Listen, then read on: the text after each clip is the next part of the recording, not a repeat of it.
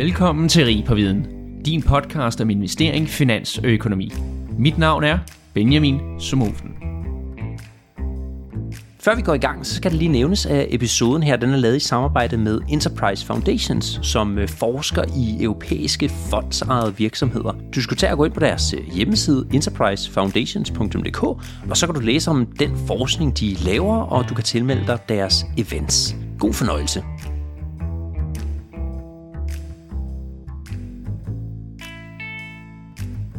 Dag skal vi tale om erhvervsdrivende fonde. Mange har måske allerede hørt ordet fond før, eller stiftet bekendtskab med dem gennem fritidsaktiviteter eller andre foreninger, som man har været en del af. Og nogen har sikkert også godt hørt om vores prominente Carlsbergfondet, som faktisk er en af verdens ældste erhvervsdrivende fonde. Og i dag der har jeg besøg af Claus Richter, som skal gøre os klogere på emnet. Claus, velkommen til. Tak for det. Inden vi lige øh, begynder at grave ned i emnet, vil du så ikke lige kort fortælle lytterne lidt om dig selv og din baggrund? Ja, men jeg, jeg hedder Claus Richter og øh, har, øh, er i dag faktisk administrerende direktør i en forening, øh, som er inden for sundhedsområdet, nemlig diabetesområdet. Øh, nogen kender mig måske, fordi jeg har været politisk øh, aktiv i, et, i, i Venstre øh, og oprindeligt. Øh, så har jeg været tilknyttet CBS øh, i en årrække, ligesom jeg er tilknyttet Aalborg Universitet, og har i forhold til emnet her i dag øh, en stor interesse i fondene og også alle de erhvervsdrivende fonde. Inden vi begynder også at, grave lidt med i erhvervsdrivende mm. fonde, jamen, kan du så ikke lige kort forklare, hvad er en erhvervsdrivende mm. fond egentlig?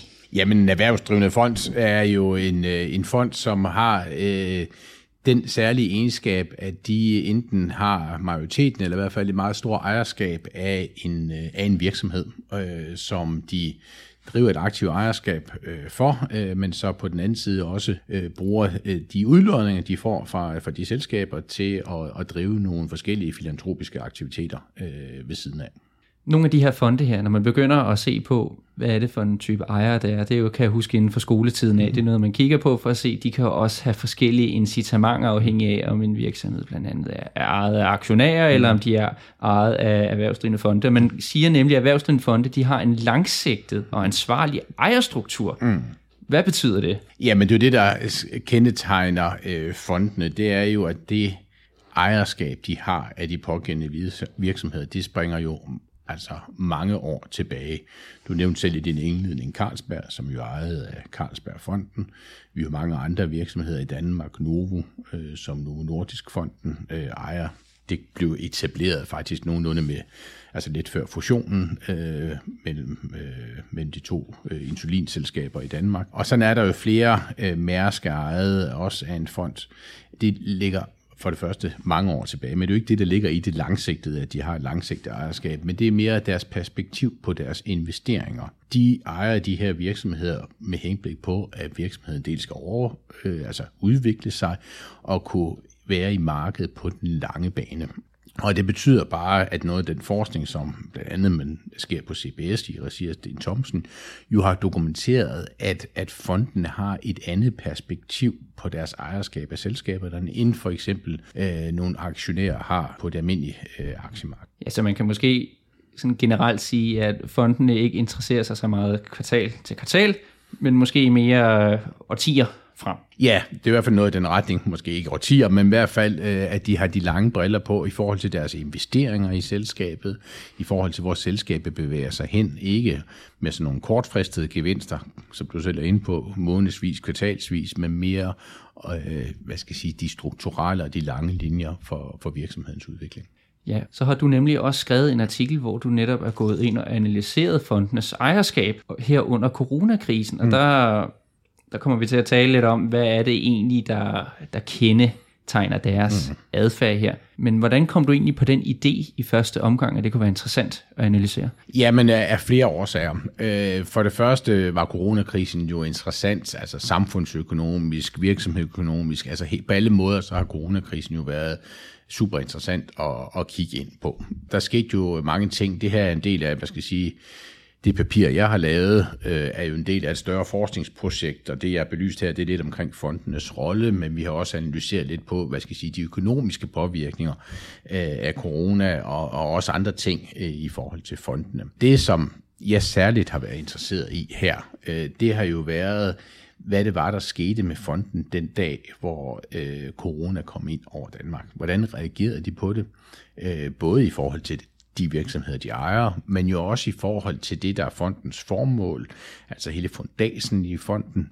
Hvad gjorde de med deres uddelingsstrategier? Hvordan gjorde de med de eksisterende projekter, de kørte? Og hvad gjorde de ikke mindst i lyset af, at vi lige pludselig stod i en samfundsmæssig krise i Danmark? Hvad gjorde fondene der? Det er jo ikke nogen hemmelighed, at fondene jo, øh, kapitalapparatet og den øh, opsparede formue, de har, øh, jo har nogle helt fantastiske finansielle kræfter til at kunne gennemføre forskellige typer af projekter. Øh, og det synes jeg var interessant at, at kigge lidt på. Og hvordan var forventningerne så? Fordi jeg tænker, så nogle fonde her, ligesom mange andre virksomheder, de har jo også et budget og skal holde sig indenfor, fordi de står i vedtægterne, de skal leve et vis antal år, og så går det jo heller ikke bare, at man lige pludselig skruer op for alt udbyttet her. Så hvad var forventningen egentlig til, der, til deres agering? Var det, at nu springer vi budgetterne, nu giver vi den gas? Lidt karikeret sagt. Mm. Nej, det var faktisk en anden forventning, vi ligesom havde øh, til det, som en drejer sig om, at der relativt hurtigt kom en diskussion om, øh, også man skal sige, sådan i, i aviserne, om at fondene nu øh, skulle lave en ny samfundskontrakt med, med samfundet. Der har været meget kritik af fondene, øh, deres legitimitet i samfundet, om de nu har, hvad skal jeg sige, de lovgivningsmæssige regler, der omgiver fondene, særligt skattemæssige andre ting, om der skulle strammes op på dem, om der skulle strammes op på udpegningerne til bestyrelserne i de her fonde. Og så kom der, fordi, det kan vi komme tilbage til efter nogle, hvad skal jeg sige, nogle af de aktiviteter, fonden de søsatte under corona, kom der lige pludselig en diskussion om, at der blev, blev etableret en ny samfundskontrakt mellem fondene og så samfundet i form af staten. Øh, og det var faktisk det, som vi var interesseret i at undersøge. Er der kommet en ny kontrakt, øh, som sætter sig på den lange bane i samarbejde mellem staten og, og fondene. Øh, og det var det, vi ligesom satte os for, som hvad skal jeg sige, vores hypotese at få, få undersøgt i, i det her projekt. Det er super godt. Den her artikel, som vi har refereret til et par ja. gange nu, lad os lige få navnet på banen. Den ja. hedder De erhvervsdrivende fondes rolle under coronakrisen 2020. Mm. Og den har du skrevet sammen med Benedikte Kublund. Mm.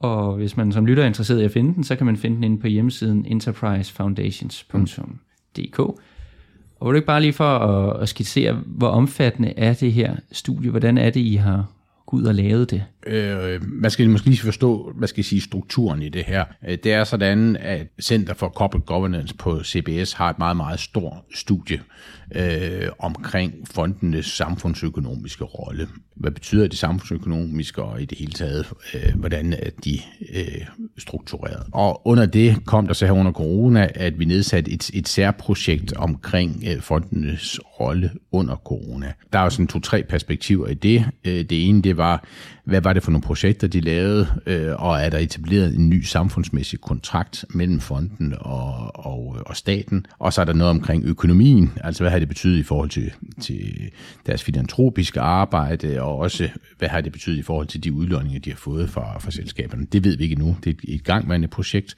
Øh, men det her projekt omkring selve fondenes rolle øh, under corona, øh, er jo tilvejebragt på sådan en, en, en, en hvad skal jeg sige, forskningsmæssigt måde ved, at øh, vi har interviewet en lang række af direktørerne øh, øh, i fondene, formændene i nogle af fondsbestyrelserne, men jo også nogle af dem, som fonden har arbejdet sammen med, både i Kulturministeriet, i Socialministeriet, i særdeleshed i Sundhedsministeriet og nogle af de underliggende styrelser under, under Sundhedsministeriet. Ja, så der er ingen tvivl om, at det her det har i hvert fald været et omfattende studie, og I har været helt ind i benarbejdet, mm. virkelig tæt på fondene mm. og, og spurgt dem her mm. en til en. Og du nævner også, at der er flere ting, I analyseret. Og hvis vi skal prøve at, at koge lidt dem sammen her, blandt andet har I skrevet beslutningsprocesser, partnerskaber mm. og, og risici. Mm. Hvad vil du sige er den vigtigste opgave, som fondene har påtaget sig?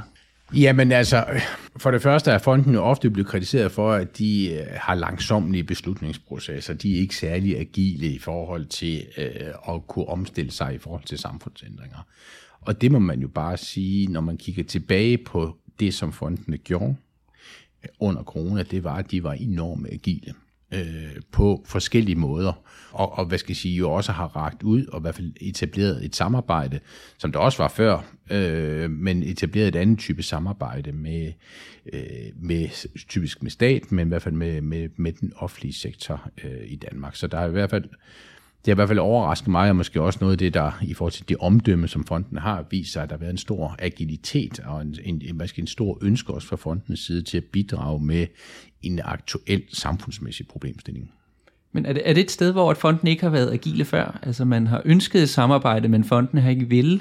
Eller hvordan er de blevet mere agile nu? Ja, men jeg tror, man skal se lidt på, og så lige prøve at grave lidt ned i, hvad det var, der faktisk så skete øh, der under corona. Fordi der var en masse fonde, som jo fik henvendelse fra det offentlige, fordi man jo i det offentlige system jo lige bestod i en krisesituation. Man skulle have etableret nogle forskellige ting, som man ikke, altså som der simpelthen ikke var penge til øh, i, den, øh, i den offentlige sektor. Øh, og der var et bred vifte af forskellige typer opgaver. Øh, der var noget, som jeg tror, vi alle sammen nu efterhånden kender til, alt det omkring at få etableret testfaciliteter, analysekapacitet til at, at teste den danske befolkning for, øh, for corona. Øh, det er jo ikke nogen hemmelighed, at, øh, at der kunne Novo Nordisk og Novo Nordisk Fonden etablere testfaciliteter og infrastruktur for det på en måde, som jo slet ikke var i nærheden af det, som Statens Serum Institut de havde af, af infrastruktur og kapacitet og logistik og alt muligt omkring det der. Det kunne man øh, fra fondens side, der gik man ind og hjalp staten med at, at etablere de første test øh, som, øh, og analyse øh, ting på, på hele det der test, som vi kan som Test Danmark, øh, under, under corona, som jo var en meget, meget stor opgave, som, som skulle løftes. Der var jo også andre af fondene, som gik ind og hjalp staten med at øh, producere værnemidler jeg tror selv, vi alle sammen kan huske det der billede af de der tankbiler, der kørte kørt øh, fra Carlsbergs øh, hvad skal jeg sige, øh, bryggeri øh, fra Fredericia øh, med håndsprit, som nu skulle ud og øh, hvad skal jeg sige, hældes på dunke, så du kunne komme ud i distributionen til detaljledet og sundhedssektoren. Men der var jo også andre, der lavede værnemidler i form af handsker og vasker og alt muligt andet øh, i, i den her periode. Som bare nogle eksempler på, at fondene gik ind og, og hjalp staten med at lave noget kapacitet på nogle sundhedsmæssige vitale områder for Danmark, som vi ikke har set før. I den anden ende, så var der også nogle andre ting. I jo også nogle fonde, der med udgangspunkt i deres fundas jo øh, hvad skal bidrage til, at man kunne lave forskningsprojekter. Jeg tror alle sammen, vi kender øh, Michael Bangs studier for Aarhus, der fulgte hele corona befolkningens opfattelse af det. Det var jo øh, for eksempel Carlsbergfonden, der muliggjorde, at man fik lavet befolkningsundersøgelser, der løbende øh, målte befolkningens reaktioner på, på det her med corona. Så det var jo et andet eksempel på fonden trådt til relativt hurtigt og etableret øh, i det her tilfælde jo et, øh, et forskningsprojekt. Og så er der masser af andre eksempler på, hvad, hvad fondene de, øh, hvad de gjorde undervejs. Øh, og der er jo store og små ting. Et af de sjove eksempler, som jeg synes var sådan lidt jo sådan meget jordnært, der findes en fond, der hedder KFI-fonden, som jo hjalp det, som var det allervigtigste for os alle sammen under corona, nemlig alle de små købmænd, der ligger rundt omkring i hele Danmark, som skulle have etableret værnemidler med plastikskærme og alt muligt andet hjælp dem, den der lille købmand, med at, at få det, hvad skal jeg sige, inventar på plads. Øh, og sådan er der mange øh, fonde, som på forskellige vis øh, har hjulpet øh, med at, øh, at etablere øh, de her ting. Der er også nogle af de fonde, som har været mere engageret inden for kulturområdet, øh, som hjalp kulturinstitutionerne med at blive digitale, med at få kunsten, med at få udstillingerne hjem i, øh, i folks stuer, så man kunne sidde og følge med øh, digitalt, øh, og dermed skabe jo også en vigtig del, øh, når vi alle sammen er isoleret og kunne få nogle input øh, udefra, øh, hjælp med, med, med den del af det. Så der er jo mange eksempler på, øh, på fondene, øh, hvordan deres ageren var øh, under corona.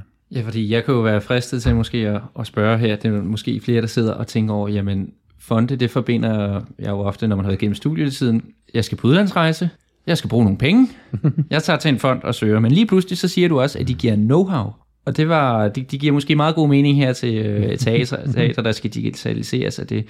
Men det offentlige, som du også lige nævnte, de trækker på know-how. Har man mm. set det før? Ja, men det er jo ikke nogen, altså fondene altså, har jo et stort arrangement for eksempel på forskningsområdet. Øh, det har de altid haft øh, ved at støtte forskningsprojekter på, øh, på øh, vores universiteter øh, og forskningsinstitutioner rundt omkring øh, i hele landet.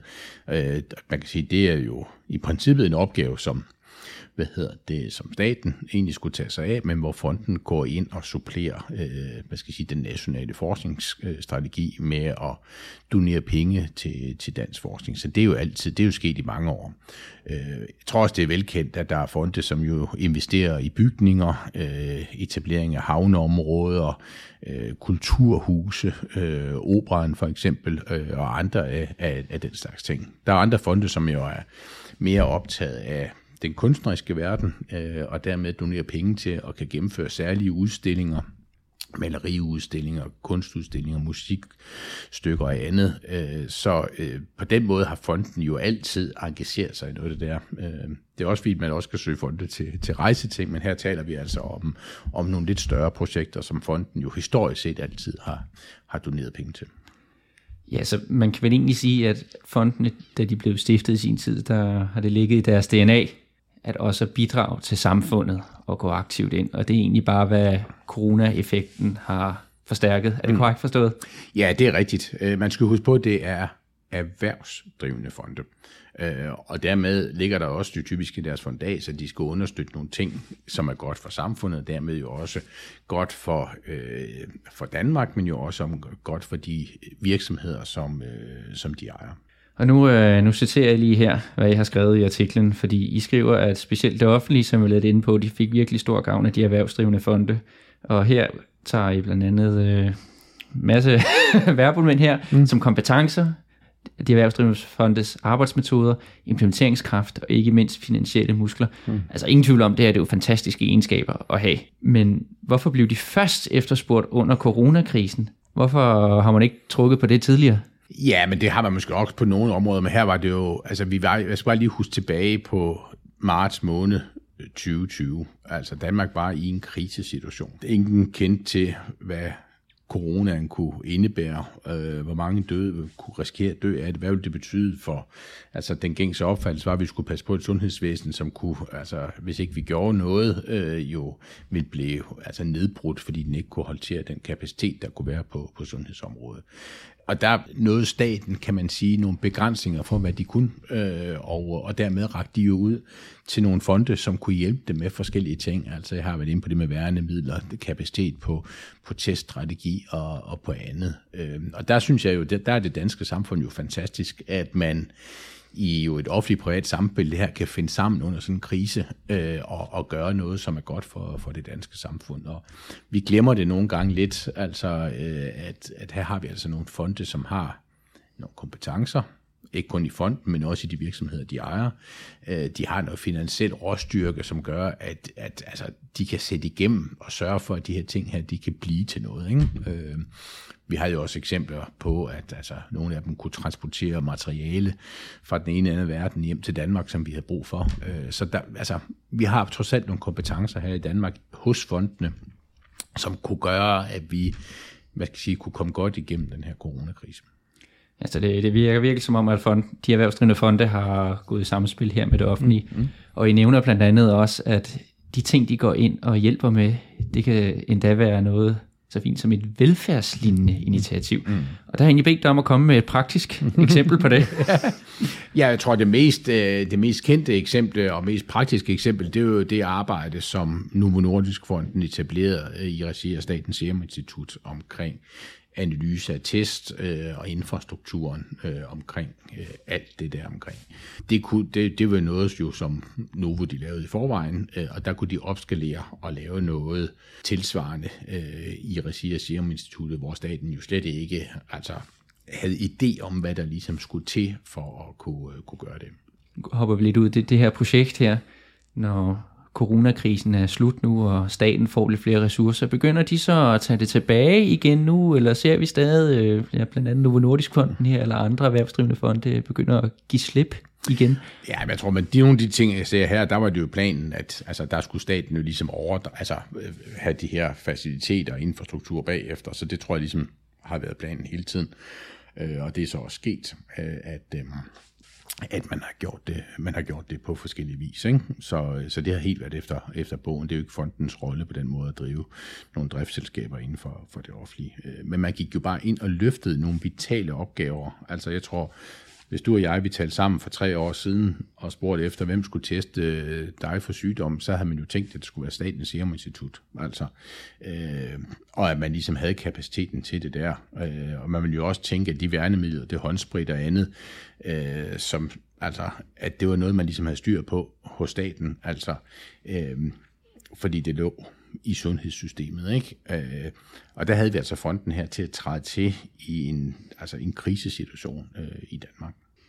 Og det er fondenes tiltræden her, så er det noget, øh, vi vil stå stærkere med, hvis der skulle komme en ny krise nu? Eller er det ligesom et kapitel, der er lukket, og det var en særsituation? Altså jeg prøver at grave lidt efter, om du kan fortælle lidt om de her bånd her, der er blevet etableret. Mm. Jamen der er jo, det er klart, der er jo, øh, der er jo to veje i det. Det ene, det er jo, at jeg tror fondene, man skal huske på, at fonden har et fundas. Og det er i hvert fald også det, vi har, altså, har vist i vores undersøgelse fonden de følger deres fundas. Det er jo ikke sådan, at øh, hvis der er en fond, som må støtte øh, visse ting, at de så lige pludselig på grund af den her krisesituation har sagt, nej, nu begynder vi lige pludselig at støtte noget helt tredje, som vi ikke har støttet før. Sådan er det ikke. Altså, de har holdt sig til det, de måtte i forhold til fundasen. Øh, så det er jo den ene ting, som man har. Jeg tror, de har på nogle af de steder, hvor vi, det har også vist i vores øh, analyse, der hvor fonden ligesom har har ændret lidt, det har været på deres beslutningsprocesser. Altså, der har været behov for at speede op på øh, ikke nogle langstrækte, helårlige beslutningsprocesser, men at bestyrelsen og direktionen har kunne tage nogle beslutninger om nogle projekter med en større hastighed, end, end man havde før. Det har så over til staten jo vist, altså de har jo oplevet, særligt centraladministrationen, at der er en samarbejdspartner her i fondene, som man kan bruge øh, når der opstår sådan en situation her, og at fonden faktisk har noget kapacitet, de gerne vil samarbejde øh, med. Der tror jeg måske, der har været lidt, altså uden at karikere det for meget, måske nogle opfattelser, øh, nogle steder i hvert fald i staten, at fonden, de kom bare med nogle penge, og så havde de nogle bestemte projekter, de gerne ville gennemføre, og så, øh, ja, så kunne de ikke rigtig finde hinanden i det der samspil. Nogle gange gjorde de, andre gange der gjorde de det ikke. Øh, men der tror jeg, der, nu står det klart, at fonden de faktisk er en kapacitet. Og det er også derfor, det er kommet frem, den der diskussion om, om, om de bånd, der nu er knyttet, om det giver anledning til sådan en, en mere samfundskontrakt mellem fondene og, og staten. Øhm, og, og der viser vores analyse, det, det er der ikke etableret øh, øh, nogen form for, for sådan en samfundskontrakt. Øh, jeg tror, der er blevet en opmærksomhed på, både fra statens side og fondens side, at der er nogle samarbejdsflader her, som øh, og man godt kan arbejde mere smidigt sammen øh, om, om nogle større projekter øh, i, øh, for det danske samfund. Nu har vi hørt ordet øh, samfundskontrakt et par gange her, og den der samfundskontrakt, man taler om at lave, er det sådan en formentlig, hvor man sætter sig sammen og siger, når der er sådan nogle situationer, så skriver vi det ned, eller er det mere en, en uformel omgang med, at der er kommet det her stærke bånd, eller hvad menes der med det? Jamen, det har der været forskellige diskussioner øh, omkring, og vi har ikke dyrket ned øh, altså sådan i vores artikel omkring de forskellige definitioner på, hvad en samfundskontrakt den indebærer. Der var nogle diskussioner i avisen omkring det der med samfundskontrakt. Jeg tror, Jyllandsposten havde en artikelserie omkring det der, hvor fondsdirektører og fondsformænd drøftede ordet samfundskontrakter og, og deres betydning. Og nej, det er, ikke, det er ikke sådan formaliseret noget med noget papir. Det er heller ikke formaliseret med sådan en uformelt aftale mellem nogle fonde og sådan noget. Øh, jeg tror, der var nogle fonde, der havde sådan en idé om, at man måske ligesom kunne, hvad skal jeg sige, beskrive, hvad fondene kunne hjælpe med i forskellige situationer, øh, mens andre de nok mere var til øh, at at det egentlig bare skulle stå og hvile i sig selv øh, på den gode måde, at fondene faktisk havde noget kapacitet, og det måtte man jo så ligesom notere sig i statsministeriet, finansministeriet og andre, at, at vi har nogle, nogle kapaciteter, nogle finansielle styrker, nogle kompetence, ikke kun hos industrivirksomheder og servicevirksomheder, men også hos de erhvervsdrivende fonde. Og hvilken tendens så du, nu har du været helt tæt på fonden, hvilken tendens så du hos dem, I undersøgte deres holdning til den her såkaldte samfundskontrakt? Ja, men jeg oplever jo faktisk et stort engagement for at gerne mit bidrage til det danske samfund med det, de nu sad med. Altså, det var jo alt lige for den fond, som støttede øh, musikoplevelser eller særudstillinger på øh, forskellige øh, museer og alt muligt andet. Et stort engagement i, hvordan er det egentlig, vi kan drive det her samfund videre, hvordan kan vi egentlig hjælpe den kunstneriske verden, hvordan kan vi hjælpe kulturen og forfatterne, hvordan kan vi hjælpe også i lokalsamfundet, hvor der også var problemer, hvordan kan vi hjælpe de små købmænd med at, at sælge deres varer i sådan en svær tid, øh, til de store fonde, der sagde, hvordan kan vi hjælpe staten, den danske befolkning med at blive rask igen. Altså øh, en meget, meget stor, synes jeg, øh, jeg tror på det tidspunkt var der ordet samfundssind, som jo øh, øh, blev udtrykt nogle steder, øh, synes jeg faktisk, at, at fonden udviste et, et helt enormt stort samfundssind. Ja, så det man egentlig kan konkludere med det der at sige, fondene de vil selvfølgelig gerne vise øh, samfundssind, men det skal stadig være inden for deres, hvad kaldte du det, foundation? Ja, inden for deres fundas. Fundas, ja. ja. ja. Så de skal ikke gå på kompromis med, hvad det egentlig er, de er kommet for at støtte. Det er ikke mm. sådan, at KFI begynder at, mm. at støtte øh, kultur mm. lige pludselig. nej, nej, nej, lige præcis. Det her samfundssind, gik det som forventningen af fondene vist så stort et, som det gjorde? Ja, når du ser på, når man ser på de projekter, som øh, vi har oplistet dem på det tidspunkt, de projekter, der ligesom var, øh, bærest i artiklen, øh, det, hvad skal jeg sige, det er jo det, som fonden de selv har meldt ind af, af forskellige ting, øh, som, øh, som de har lavet. Der synes jeg jo, at, øh, at der er blevet udvist en... Øh, et meget, meget stort samfundssind. Der er jo, øh, der er jo både lokale projekter, der er projekter, der vedrører stort set alle dele af samfundet. Der er store projekter, der er små projekter. Øh, der er forskningsprojekter, der er nogle mere hands-on ting øh, på, øh, på forskellige vis. Øh, jo også nogle fonde, som har været med ude og bidrage til, øh, skal sige, civilsamfundsorganisationer, øh, de opgaver, der blev løftet der. Der var også en masse fonde, som som tænkte ud over landets grænser, altså og støttede, hvad skal jeg sige, øh, særligt i forhold til corona-indsatsen i øh, U-lande og andre steder. Så jeg synes samlet set, når man kigger rundt om det der, øh, er der udvist et, et, et stort engagement og samfundssind fra, fra fondenes side. Og hvis vi sådan skal prøve at opsummere øh, hele jeres artikel her, er der så en, en konklusion, som du synes, der, der skældner sig mest ud, eller en overraskelse, som du gerne øh, lige vil Nej, vi har jo sat os for ligesom at kigge lidt på, at der er blevet etableret en samfundskontrakt. Øh, nej, det er der ikke, men der er etableret nogle tætte bånd. Øh, der er også etableret en opfattelse, særligt i centraladministrationen, af, at fondene de kan, etablere, altså, de kan bidrage med, med noget, øh, når vi har en krisesituation. De har noget kapacitet, de har nogle kompetencer, de har noget finansiel styrke, der gør, at man relativt hurtigt kan løfte nogle, øh, nogle meget, meget vanskelige øh, opgaver. Så det er jo sådan en ting, der ligesom står tilbage. Øh, så står det jo også tilbage, synes jeg, at, at vi har nogle, øh, nogle meget, meget stærke fonde, som, som bidrager til det danske samfund. Øh, nogle gange har de været meget skilt ud øh, over deres rolle, øh, men jeg synes jo, når man kigger på de projekter, der har været etableret her, så synes jeg jo egentlig, at øh, det vil ikke gøre så meget ud af i konklusion, men hvis vi sådan skal perspektivere det her til sidst, nogle fonde, som, øh, som vi egentlig burde være meget mere stolte af øh, i Danmark. De ejer jo nogle danske virksomheder, og så spiller de bare en stor rolle øh, i det danske samfund, både her under en krise, men også i det hele taget, øh, den opmærksomhed på, hvor meget de egentlig bidrager med. Yes. Jeg har ikke flere spørgsmål, og vi er ved at løbe tør for tid også. det er godt, ja. Så Claus, jeg vil egentlig bare sige tusind tak for, at du vil være med her i Rig på Viden. Selv tak. Det har været en fornøjelse. Det er godt. Tak. Tak for, at du lyttede med til Rig på Viden. Jeg håber, at du lærte noget, og hvis du nu synes godt af vores podcast, så kan du støtte os ved at følge den på Spotify eller skrive en anbefaling på iTunes. Inden på LinkedIn, der kan du følge André Thormand, Benjamin Somofen eller Henrik Fode Rasmussen. På genhør.